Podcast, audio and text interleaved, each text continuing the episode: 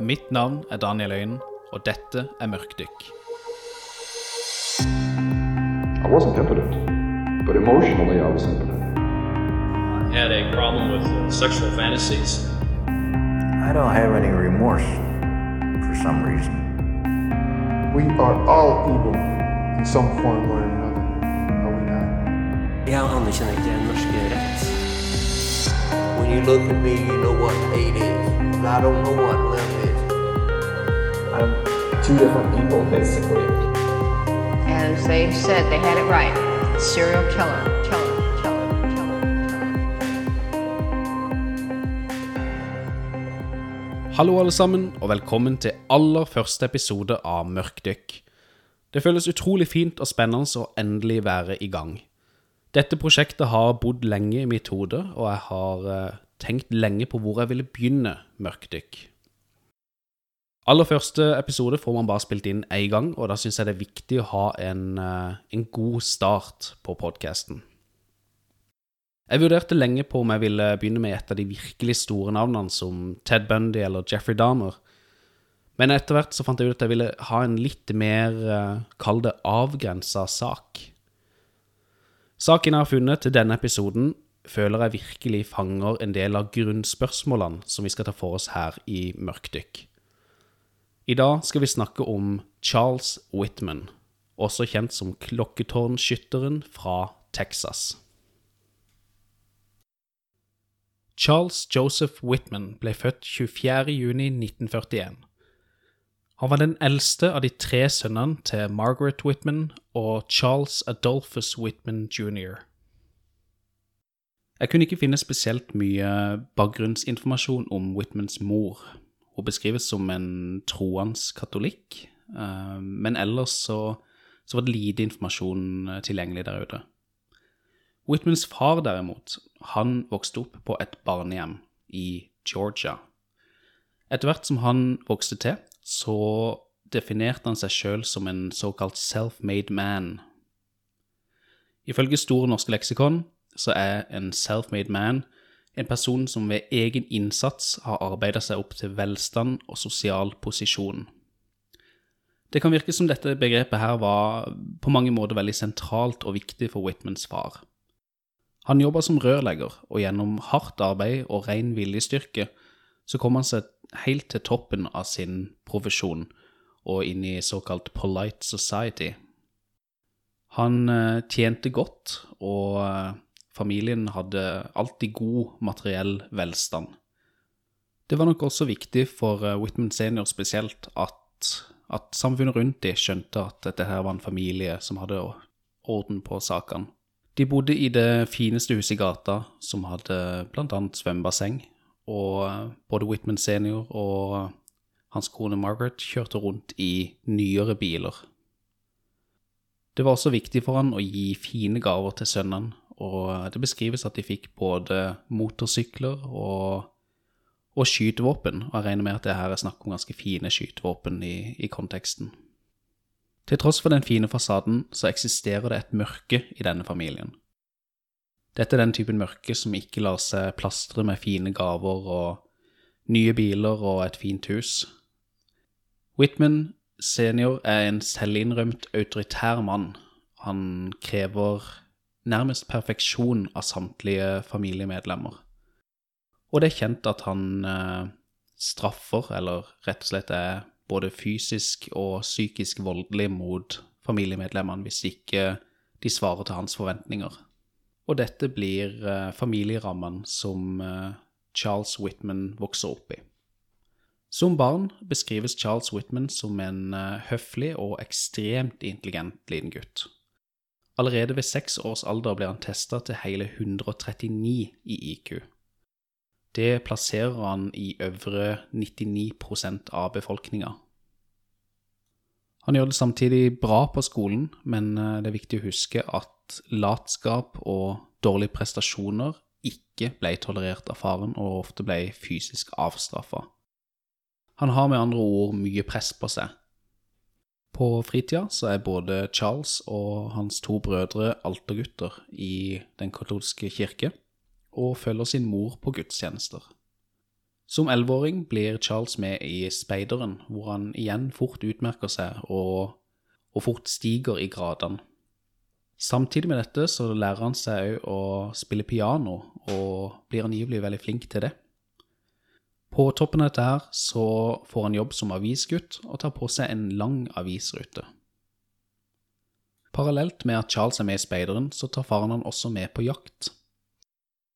Alle tre sønnene får opplæring i riktig våpenbruk og vedlikehold. Whitman senior er våpeninteressert og har en, eh, en samling med våpen. Han bemerker etter hvert at eh, Charles Whitman blir en eh, spesielt god skytter. Han sier konkret at Charles er såpass flink til å skyte at han kunne skutt ut øynene på et ekorn, eller at han kunne skutt små fugler i flukt. Det som blir tydelig her, er at uh, Charles virkelig var en intelligent ung mann som, som tilegner seg mange forskjellige evner i løpet av barndommen.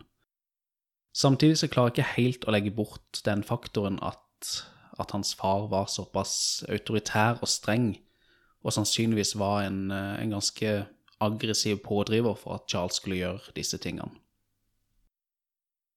I 1955 begynner Charles Whitman på videregående.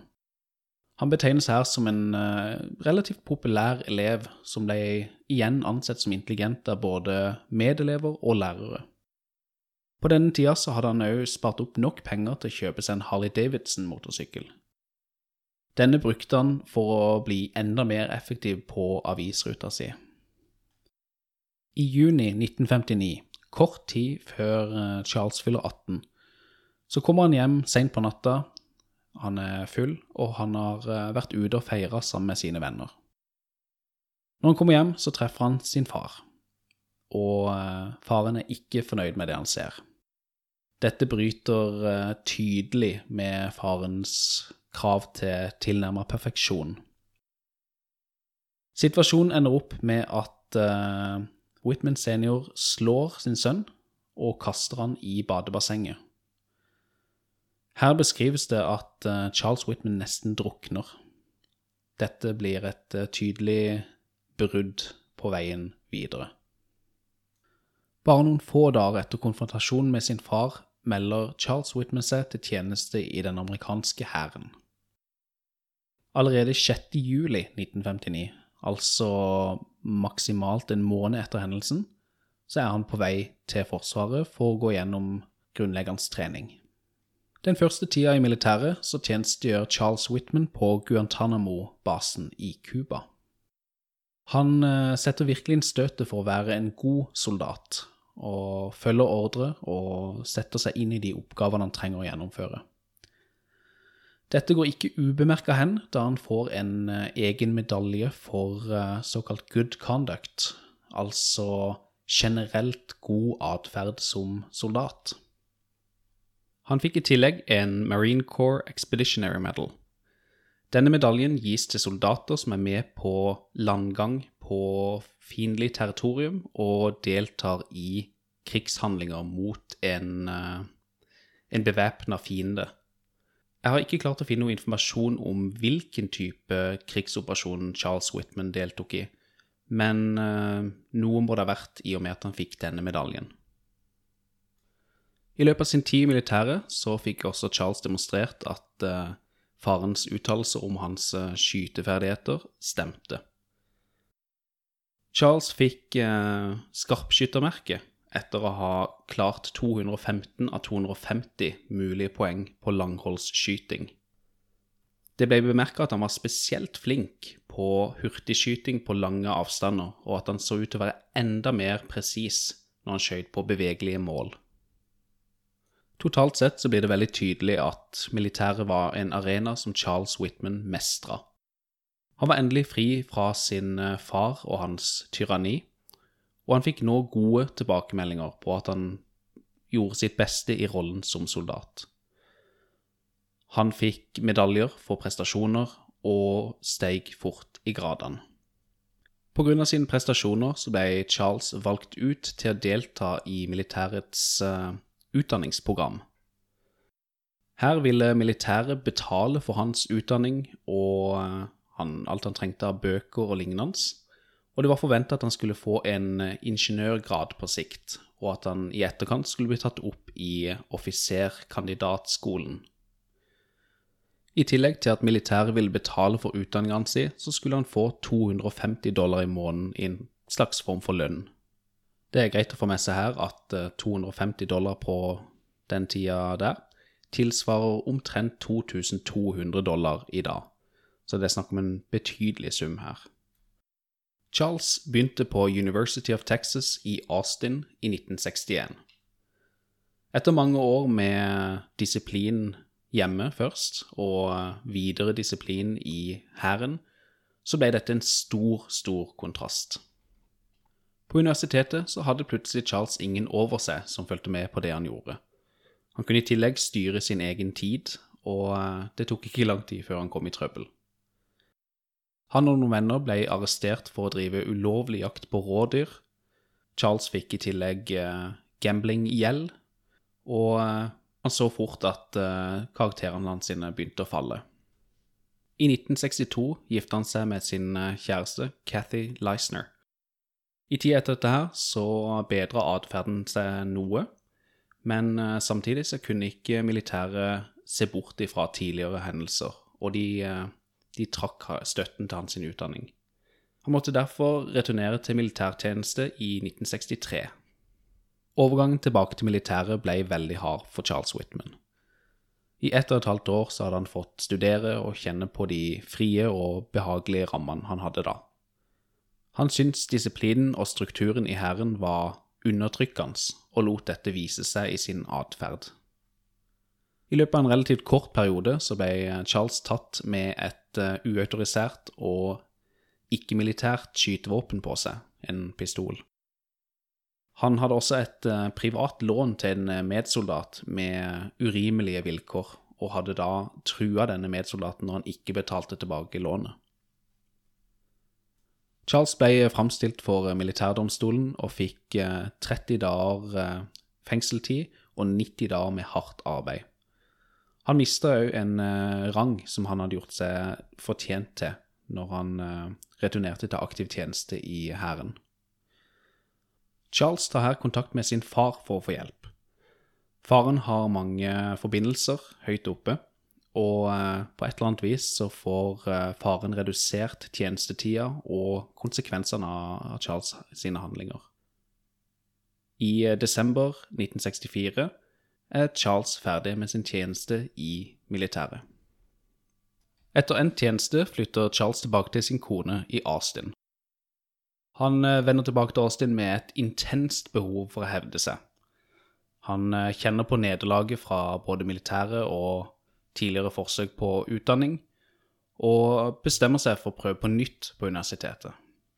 Han endrer her studieretning fra mekanisk ingeniør til en arkitekturingeniør eller noe lignende. Her returnerer Charles til et mønster vi har sett før. I tillegg til å ha tatt opp studiene igjen, så bruker han fritida si i speideren, nå selvfølgelig som en type leder. Han får også jobb som en slags type gjeldsinnkrever, før han uh, går opp i stilling og får jobb i Austin National Bank. Han arbeider altså igjen hardt for å oppfylle et slags ideal og, og virkelig strekke seg for å være en god samfunnsborger. Til tross for dette så går Charles rundt med en konstant følelse av å ikke være god nok. Han skriver dagbok og har omfattende diskusjoner med seg sjøl på hvordan han kan bli en god nok person. Han lister opp forskjellige trekk han føler han må utvikle, og prinsipper han føler han må følge. Tidlig i sitt ekteskap med kona så falt han inn i et mønster han hadde sett sin far utføre. Han blir voldelig mot sin kone, og dette er en av de tingene han aktivt bestemmer seg for å ikke bringe videre, og som han da diskuterer i dagboka si. Det kan virke som Charles ikke har noe moralsk senter eller noen opplevelse av hvem han er som person, og at han gjennom diskusjonene i dagboka prøver å påtvinge seg nye retninger og nye verdier utenfra. En eh, venn av han beskriver at han nesten kunne virke litt som en datamaskin, at han installerte nye verdier, og at eh, disse verdiene han installerte, dikterte hvordan han kom til å handle. Men Charles klarer ikke alltid å opprettholde fasaden. Han eh, har et temperament og kan uttrykke sterk frustrasjon til tider. Og dette naturligvis går direkte imot hans verdier og, og påvirker hans selvrespekt. I husholdninga var det Cathy Whitman, altså Charles sin eh, kone, som tjente mest. Hun jobba som lærer på Lanier High School i Austin, og hadde både god inntekt og helseforsikring. Charles sin inntekt endte egentlig opp bare som et eh, slags supplement til hos sin, og dette var han veldig klar over. Samtidig så fortsetter Charles sin far å gi både penger og dyre gaver til den lille familien. Charles hater folk som snylter, og begynner etter hvert å se seg sjøl som nettopp det. På toppen av det hele så begynner Charles å gå opp i vekt, siden han ikke lenger er like aktiv som han var i militæret. Dette ser han òg som et tegn på svakhet. På utsida ser det ut til at alt er greit med Charles. Han fortsetter å være pliktoppfyllende og hardtarbeidende og en dedikert ektemann. På innsida derimot vokser et intenst selvhat. Charles har gjort det vanskelig for seg sjøl. Han har satt verdier og prinsipper og forventninger til seg sjøl som han ikke klarer å leve opp til, og står i konstant skuffelse.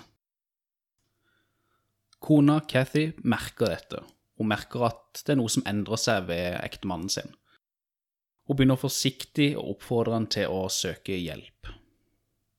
Parallelt med dette separeres Whitmans mor og Whitmans far etter en spesielt voldelig konfrontasjon. Margaret Whitman og en av brødrene til Charles flytter til Austin, altså der Charles bor. Tida etter militæret skulle bli en ny start for Charles. Han skulle ta opp igjen studiene, han skulle arbeide hardt, han skulle prestere på alle felt. I stedet for så opplever han å ikke tjene nok penger, han føler ikke han strekker til, han klarer ikke å leve opp til egne verdier, og på toppen av det hele så kommer familien altså flyttende etter han. Charles blir deprimert og angstfylt, og lar seg etter hvert overtale til å prate med en lege. Legen han prater med, skriver ut en resept på valium og henviser han videre til universitetets helsetjeneste, hvor han får prate med en psykolog. I samtale med psykologen så setter Charles ord på sine frustrasjoner rundt sin situasjon. Han snakker om at han ikke føler at han strekker til, og at han har et veldig vanskelig forhold til sin far. Psykologen aner at det ligger mer under overflaten enn det Charles kanskje direkte avslører. Psykologen betegner det som en slags uh, en, en fiendtlighet som ligger rett under overflaten. På et tidspunkt så deler Charles svært urovekkende voldelige fantasier. Charles sier at han fantaserer om å barrikadere seg i øverste etasje av et uh, klokketårn som står i sentrum av universitetet. Dette er et 94 meter høyt tårn, hvor Charles fantaserer om å stille seg opp med en jaktrifle og begynne å skyte folk ned på bakkenivå. Psykologen blir ikke umiddelbart bekymra for dette. Charles viser ingen urovekkende atferd og har ingen indikatorer på å faktisk skulle gjennomføre dette, og psykologen har i tillegg hatt flere pasienter tidligere som har henvist til tårnet på ulike måter. Allikevel så tilbyr eh, psykologen flere oppfølgingstimer og eh, oppfordrer Charles til å komme tilbake om ei uke og, han, og si at han kan ringe når han vil. Charles oppsøker aldri psykologen igjen, og ringer heller ikke. Videre utover sommeren 1966 fortsetter Charles å ta på seg enda mer ansvar i universitetssammenheng. For å klare dette ansvaret så bruker han Dex-amfetamin, som er et eh, medikament som brukes til behandling av narkolepsi og ADHD. Og bruk av dette medikamentet gjør at han kan gå flere dager uten å sove, sånn at han kan jobbe enda hardere. Selv om han jobber hardere, så jobber han ikke nødvendigvis bedre.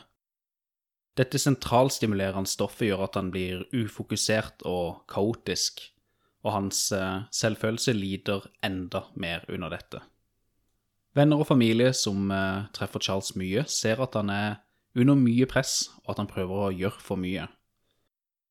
Det kan virke som hans far derimot ikke ser denne delen av Charles, for han driver stadig og ringer Charles for å få han til å overtale Margaret Whitman, altså hans mor, til å komme hjem igjen til Florida. Selv om Charles sin fasade begynner å sprekke litt, og venner og familie ser at han er under mye press, så er det ingen som vet hva som skjer inni Charles. Charles er stadig mer plaga og mer oppslukt av sine drapsfantasier, og dette skal ha alvorlige konsekvenser. 31. juli den eh, sommeren begynner Charles konkrete handlinger i en svært urovekkende retning. Han kjøper en eh, Bowie-kniv og eh, kikkerter på en eh, militær utsalgsbutikk, og i tillegg så kjøper han hermetisert kjøtt på en eh, 7-Eleven-butikk. Etter disse innkjøpene plukker Charles opp kona si fra en sommerjobb som telefonoperatør, og de går på kino sammen. Etter kinoen så reiser de til Charles sin mor for spiser spise lunsj sammen med henne på kafeteriaen hvor hun jobber. Etter eh, lunsj med Charles sin mor så reiser de til et par venner. Vennene merker at det er noe annerledes med Charles. Han er unormalt stille, men de har ingen mistanker mot han. Etter besøk hos venner så eh, reiser Cathy tilbake til sommerjobben sin, og Charles reiser hjem. Kvart på syv den kvelden begynner Charles å skrive et brev. Det er et avskjedsbrev og en slags forklaring for det han kommer til å gjøre. I brevet skriver han at han ikke helt vet hva som driver han til å sette seg ned og begynne å skrive. Han skriver at det er meninga at han skal være en gjennomsnittlig og rasjonell, intelligent ung mann, men at han den siste tida, han kan ikke huske hvor, hvor lenge det har holdt på, men at han har vært offer for mange uvanlige og irrasjonelle tanker. Dette er tanker som plager han konstant, og som det krever fryktelig mye mental innsats og energi for å holde på avstand. Han har prøvd å få hjelp for disse tankene, men han følte ikke han kom noen vei. Han viser her til sin samtale med psykologen. Han skriver videre at han ønsker at det skal utføres en obduksjon for å se om det finnes noen fysisk årsak til at han gjør det han kommer til å gjøre. Han ønsker jo at han skal kremeres etter dette. Han begynner videre å gjøre rede for sine planer de neste 24 timene. Først så har han bestemt seg for å ta livet av sin kone når hun kommer hjem fra sommerjobben. Han sier at uh, den mest tydelige grunnen til at han har bestemt seg for å gjøre dette her, er at han ikke regner verden som et sted som er verdt å leve i. Han er sjøl klar for å dø, og han ønsker ikke at hun skal bli værende igjen alene for å lide. Han sier òg at eh, det er lignende årsaker som, som har gjort at han har bestemt seg for å ta livet av sin mor. Underveis i skriving av brevet blir Charles avbrutt av et eh, vennepar av han og kona. Dette venneparet bemerker at eh, Charles virka unormalt rolig, men glad. De snakka en stund, Charles fortalte historier og snakka litt om framtidsplaner om å kjøpe seg nye landområder rett ved en innsjø, og han snakka jo veldig varmt og godt om sin kone. Han sa ved to anledninger at det var synd at hun skulle være på jobb hele dagen og så komme hjem til Men så avslutta han ikke setninga. Rundt halv ni den kvelden avslutta de besøket, og de to vennene reiste videre. En time etter dette henta Charles kona si fra sommerjobben, og de reiste hjem igjen sammen. Etter å ha kommet hjem ringte Charles til sin mor og spurte om han og Cathy kunne komme på besøk. Cathy valgte i stedet å legge seg, og kun Charles reiste til sin mor. Han reiste hjemmefra rett rundt midnatt. Charles sin mor bodde i en eh, leilighetsbygning. Hun traff sønnen sin i uh, foajeen til denne bygninga, og de to tok følge opp til hos sin leilighet. Da de var på plass inne i leiligheten, gikk Charles til angrep på sin mor. Det er ukjent nøyaktig hva slags hendelsesforløp det er snakk om her, men det kan virke som det hele begynte med at Charles begynte å kvele sin mor bakfra med en gummislange. Etter at eh, Margaret hadde besvimt, så stakk Charles henne i brystet med en stor jaktkniv. I tillegg var det også store skader i bakhodet, men det er ukjent nøyaktig hva som har skjedd her. Rundt klokka halv ett den natta er Margaret Whitman død. Charles setter seg ned og begynner å skrive enda et brev hvor han ønsker å forklare sine handlinger. Han skriver at han har tatt livet av sin mor, og at han er svært opprørt over å ha gjort det.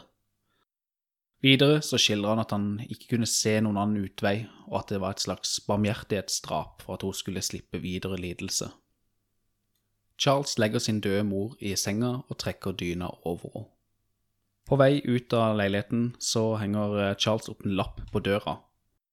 På lappen står det at uh, Margaret Whitman har uh, vært oppe lenge natta før og ikke har tenkt seg på jobb. Hun ber om å ikke bli forstyrra. Denne lappen er tiltenkt en uh, mann som jobber i bygningskomplekset, og som har en eller annen form for tilsynsoppgave til leilighetene. Charles prøver altså å utsette at mora sin døde kropp blir oppdaga. Charles forlater leilighetskomplekset rett rundt halv to på natta. Rett etter dette så returnerer han igjen og sier til betjeninga at han må komme seg inn i Margaret Whitmans leilighet, og at han er hos sin sønn, fordi han har lovt henne å fylle på en resept hun har liggende. I tillegg så har han glemt en flaske med dexamfetaminpiller, altså disse sentralstimulerende pillene som han har gått på den siste tida. Han blir sluppet inn i leiligheten og kommer ut igjen fem minutter senere med en pilleflaske.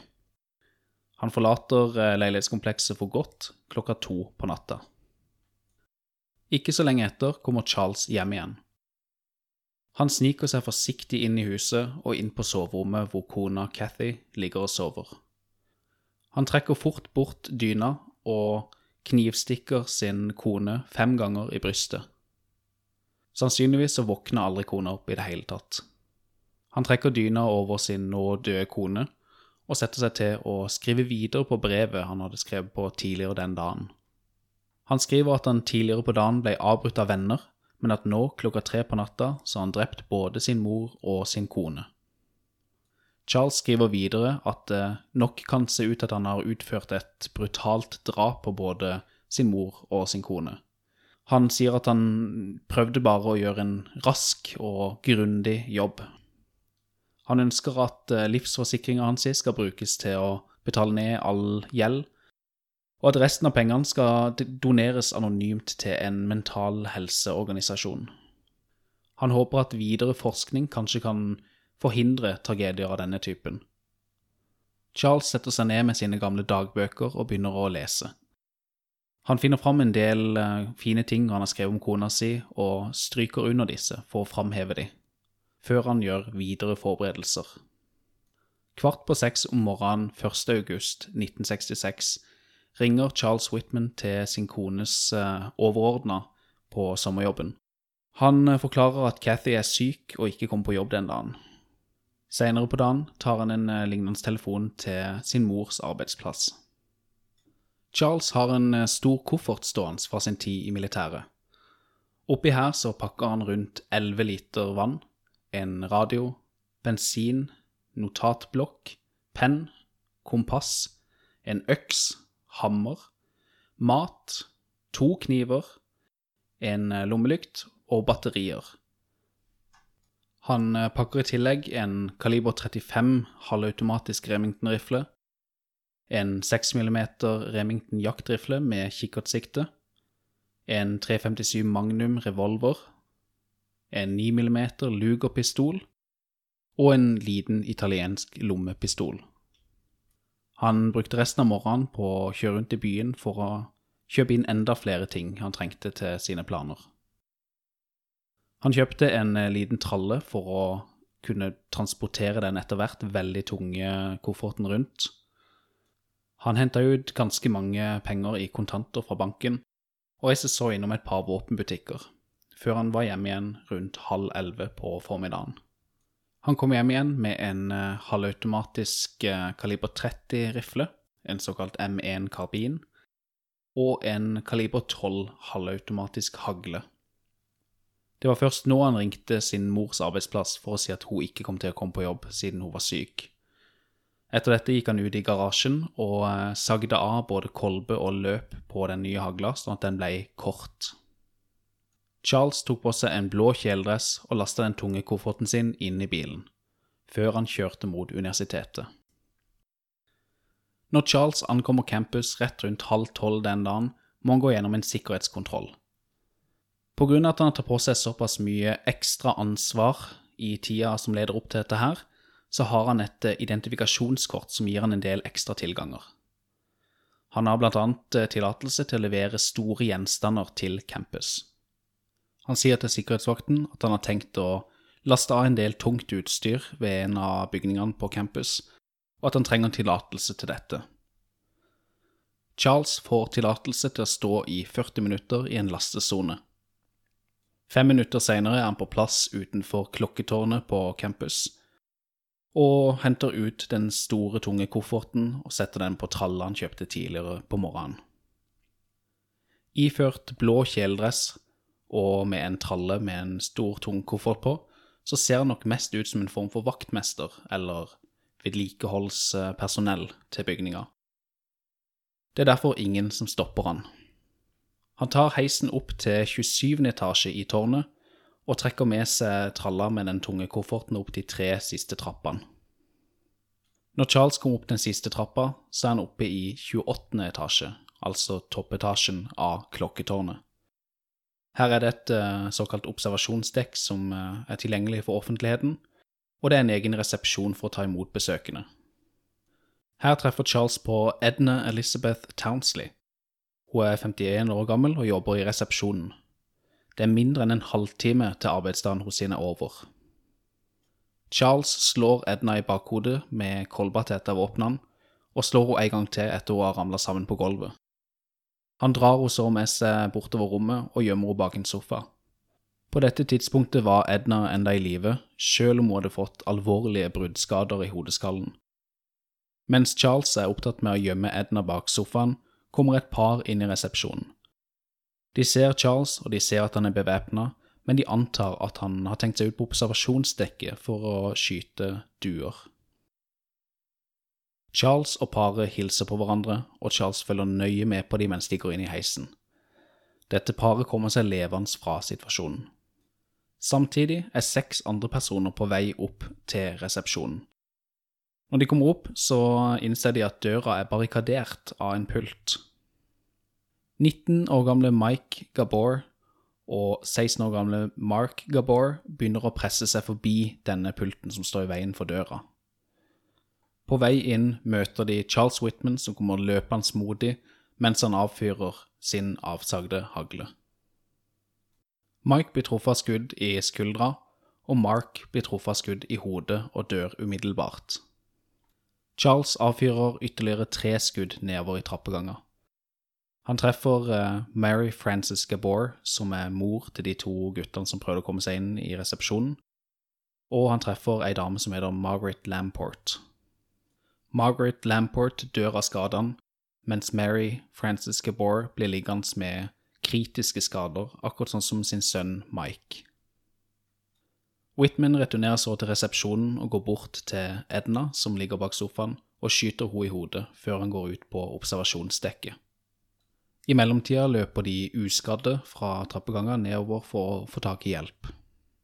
Ute på observasjonsdekket på toppen av klokketårnet skal nå Charles iverksette sine voldelige fantasier. Han setter døra ut til observasjonsdekket i klem med tralla som han har brukt til å transportere kassa med ammunisjon og våpen. Han finner så fram sin 6 mm jaktrifle og beveger seg ut til kanten av observasjonsdekket. Charles tar først sikte på den sørligste delen av campus, såkalte South Mall, som er en stor gressplen. Gjennom kikkertsiktet sitt finner han 18 år gamle Claire Wilson. Hun er langt på vei gravid. Han avfyrer et skudd mot henne og treffer henne i mageregionen. Dette fører til at eh, det ufødte barnet blir drept. Hun skriker ut, og en bekjent som går rett ved siden av henne, som heter Thomas Eckman, snur seg og spør hva som er galt. Idet han snur seg, så blir også han skutt. Han blir truffet i brystet og dør umiddelbart. Rett etter dette blir dr. Robert Hamilton Boyer en eh, fysikkprofessor som er på besøk på universitetet, skutt i nedre av ryggen og dør raskt. Rett ved siden av blir en eh, doktorgradsstudent ved navn Huffman skutt i armen og ramler sammen og later som han er død. En sekretær ved navn Charlotte ser at eh, fysikkprofessoren og doktorgradsstudenten blir skutt, og løper i de sin retning for å hjelpe til. På vei bort skyter eh, Charles Whitman etter hun òg. Hun blir ikke truffet, men ender opp med å ta dekning bak en eh, mur, hvor hun blir sittende i halvannen time. Etter å ha skutt flere personer i sørlig retning utover den store gressplenen, vender Charles Whitman oppmerksomheten østover. I østlig retning ser han David, Roland og Tom, som alle er i 20-årene. Whitman avfyrer et skudd mot David, som treffer han i hånda og river deler av håndleddet av. Kula fragmenterer, og Roland blir truffet av deler av fragmentene. Roland blir igjen skutt i beinet når han forlater dekning for å hjelpe sin venn David. En butikkeier ved navn Homer J. Kelly forlater butikken sin rett i nærheten for å hjelpe de unge mennene som blir skutt etter. I forsøket blir han også skutt i beinet. En annen 20-åring ved navn Thomas Aquinas Ashton er på vei til å treffe de andre som blir skutt etter. På vei bort til dem blir han skutt i brystet og dør senere på sykehus. Dette begynner fort å bli en veldig kritisk situasjon.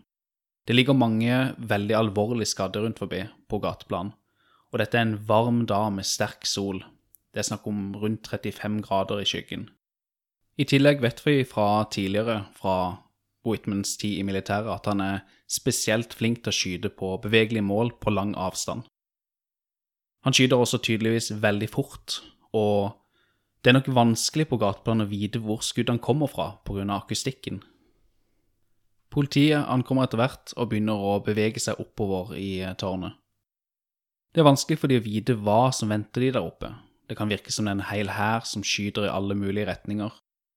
Og de beordrer at alle utganger for tårnet skal stenges av, i tillegg til heisen. Samtidig beveger Charles seg uhindra rundt på observasjonsdekket og har full oversikt over byen. Han skyter en eh, student og en eh, universitetsansatt på vei ut av tårnet på bakkenivå. Begge faller av samme skudd etter at eh, skuddet har passert gjennom låret til studenten og etterpå truffet den universitetsansatte i venstre bein. Etter dette vender Charles oppmerksomheten vestover mot en nabogate til universitetet. Dette er en travel gate med mange butikker og mange folk ute, og folk har naturlig nok lagt merke til alle smellene som kommer fra universitetet, men de går ut ifra det er en eller annen form for uh, skøyerstrek utført av studenter. 17 år gamle Alex Hernandez er ute på avisruta si, på sykkel. Han faller plutselig om etter å ha blitt skutt i beinet. 17 år gamle Karen Griffith kommer løpende for å hjelpe Alec Hernandez. Hun blir først skutt i skuldra og så i brystet, Høyre lunge punkteres og dør syv dager senere på sykehus. 24 år gamle Thomas Ray Carr kommer også for å hjelpe. Han blir også skutt, og blir truffet i ryggraden og dør en time senere. Etter dette gjemte folk i den travle handlegata seg i butikker og lignende til det hele var over.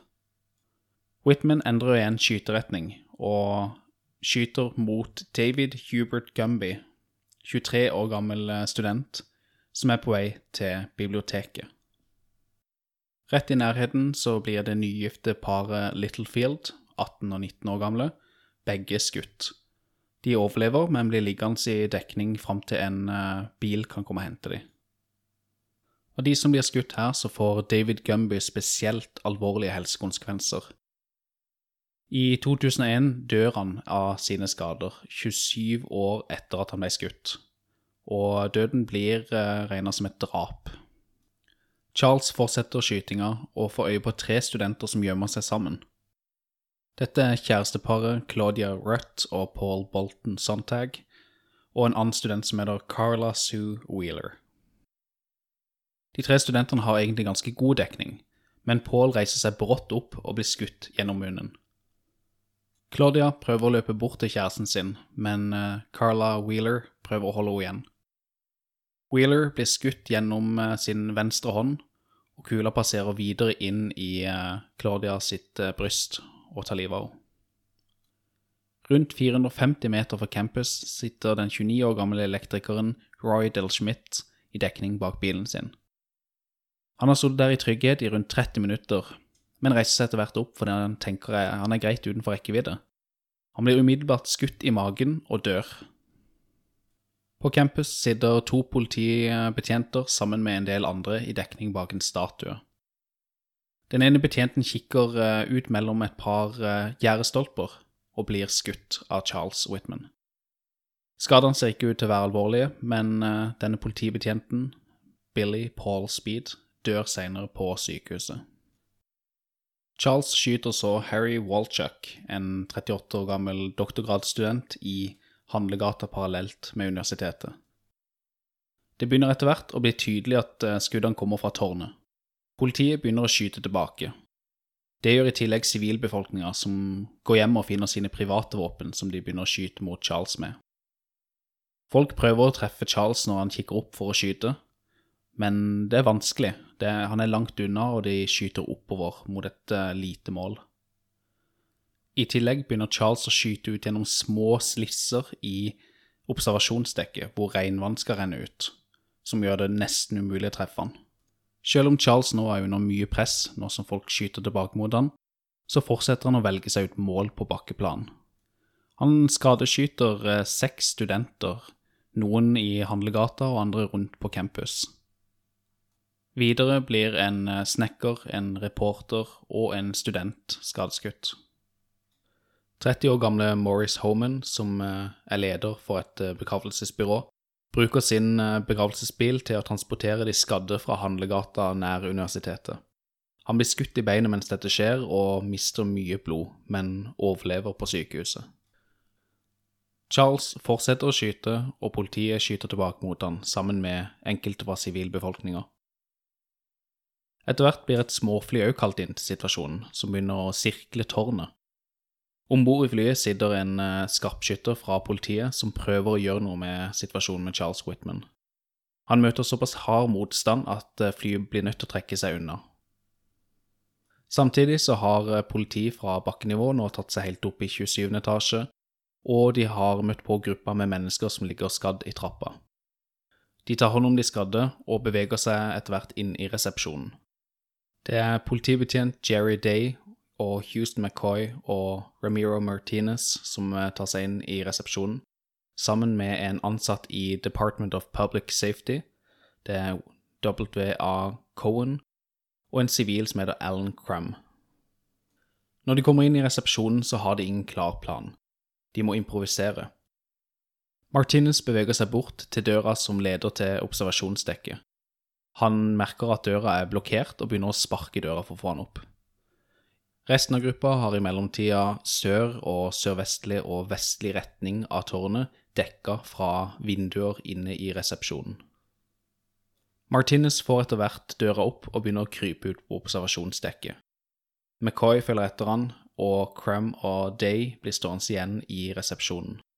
Sivilisten Alan Crum klarer på et tidspunkt å avfyre sin egen rifle med uhell, dette avleder Charles Whitman, som igjen skulle til å bytte posisjon ute på observasjonsdekket. Mens politibetjentene nærmer seg Charles Whitman, så fortsetter politi og sivilister å skyte fra bakkenivå, og de må være svært forsiktige i hvordan de beveger seg. Martinez når det nordøstlige hjørnet av observasjonsdekket og runder hjørnet. Der ser han Charles Whitman sitte og sikte i sørlig retning, der han hadde hørt vådeskuddet rett før. Martinez åpner ild med sin kaliber 38 tjenesterevolver. Charles prøver å skyte tilbake, men han rekker det ikke. McCoy avfyrer sin hagle to ganger mot Charles sitt hode. Charles ramler sammen, men beveger seg enda. Martinez tar hagla fra McCoy og spurter bort til Charles og avfyrer enda et skudd. Charles dør klokka 13.24 på observasjonsdekket, og massakren er over. Charles Whitman drepte 18 personer, inkludert det ufødte barnet til et av de første skyteofrene, og David Gunby, som ikke døde før i 2001 av seinskader etter å ha blitt skutt. I tillegg ble også 31 personer skadd, noen svært alvorlig med store konsekvenser. Charles fikk til slutt obduksjonen han hadde bedt om. I obduksjonen fant man en rekke alvorlige skader i øvre del av brystet og i hodet etter han ble skutt med hagle. Dødsårsak ble bestemt til å være disse skadene, og i tillegg skader i hjertet. Man fant i tillegg at han hadde et noe tynnere kranie enn det som er vanlig. I tillegg så ble det funnet en liten svulst i hjernen, men det ble konkludert med at denne svulsten ikke hadde noen reell påvirkning på hans handlinger den dagen. I senere tider så har dette møtt en del motbør, da denne svulsten kan ha lagt press på amygdala i Whitmans hjerne. Amygdala er ansvarlig for eh, minne, beslutningsprosesser og emosjonelle responser. Vi snakker altså her om frykt, angst og aggresjon. Og her kommer vi til selve årsaken til at jeg valgte dette som aller første sak i Mørkdykk. Det er mange interessante faktorer rundt Charles Whitman, og det kan reises mange virkelig gode spørsmål rundt hvorfor han gjorde det han gjorde. Kanskje han hadde arva psykisk sykdom, eller arva en predisposisjon til å utføre nettopp slike handlinger. Kanskje miljøet han vokste opp i, lærte han at vold er ok, vold er en grei måte å uttrykke seg på. Kanskje denne svulsten påvirka han såpass mye at han ble drevet til å gjøre disse handlingene. Kanskje dette her var et helt, i hans verden, rasjonelt steg han måtte ta for å få kontroll i sitt liv. Kanskje det var kun ved å stille seg opp på dette tårnet og ta livet av folk under seg at han kunne føle seg som en mektig og potent person. Vi har selvfølgelig ikke noe fasitsvar her, og jeg har, noe, jeg har heller ikke noe nytt å komme med i denne saken. Men jeg syns det er viktig at vi stiller disse spørsmålene, og at vi ikke tyr til enkle løsninger som å si at Charles Whitman var en ond mann, det var ondskap som drepte alle menneskene. Hvis vi skal ha noen sjanse til å forstå det vi pleier å kalle ondskap, så må vi tørre å spørre hva er det som ligger bak? Og med det setter vi punktum for aller første episode av Mørkdykk. I shownotene til denne episoden finner du samtlige kilder jeg har brukt, i tillegg til link til Mørkdykks Facebook-side. Du kan også søke opp eh, Mørkdykk på Facebook, eller eh, skrive inn ett morkdykk. Jeg setter stor pris på alle tilbakemeldinger og ratings, selvfølgelig både positive og negative er velkommen, og håper at du vil følge med på veien videre. Takk.